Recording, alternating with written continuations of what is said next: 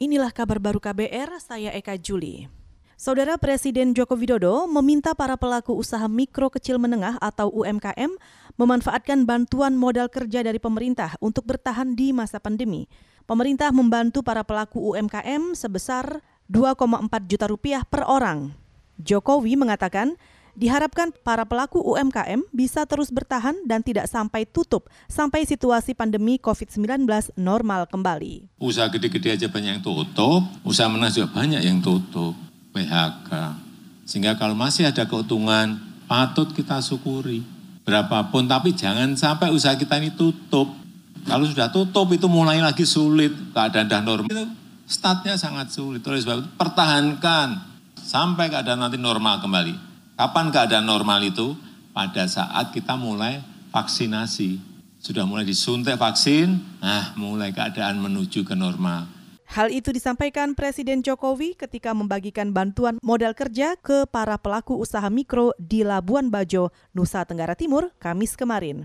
Jokowi juga meminta bantuan modal kerja sebesar 2,4 juta rupiah tidak digunakan untuk membeli barang konsumtif seperti telepon seluler atau kredit motor.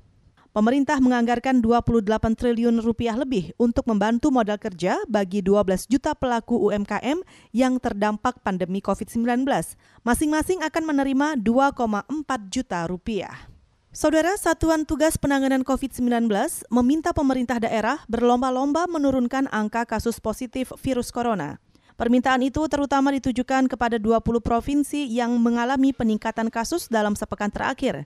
Juru bicara Satgas Wiku Adhisa Smito mengatakan, dalam sepekan terakhir, Jawa Barat dan DKI Jakarta menjadi daerah dengan penambahan kasus terbanyak. Secara nasional, terdapat 20 provinsi dengan jumlah kasus yang meningkat dibanding uh, minggu sebelumnya dan 14 provinsi dengan jumlah kasus yang menurun dibanding dengan minggu sebelumnya.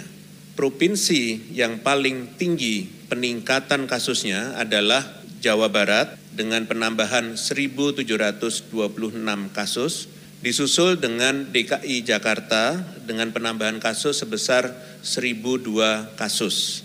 Itu tadi juru bicara Satgas Penanganan COVID-19 Wiku Adi Sasmito. Daerah lain yang mengalami peningkatan jumlah kasus sepekan terakhir adalah Kalimantan Timur, Nusa Tenggara Barat, Sulawesi Tengah, dan Kalimantan Selatan.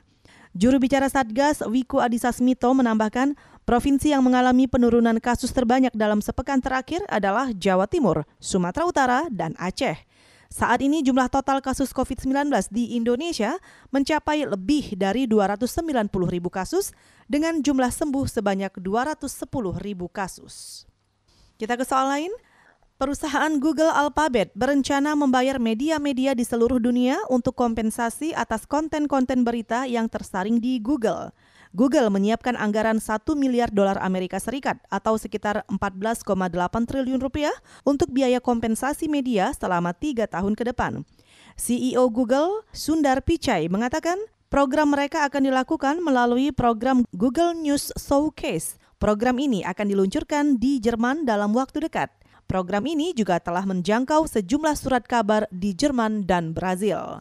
Saudara demikian kabar baru, saya Eka Juli.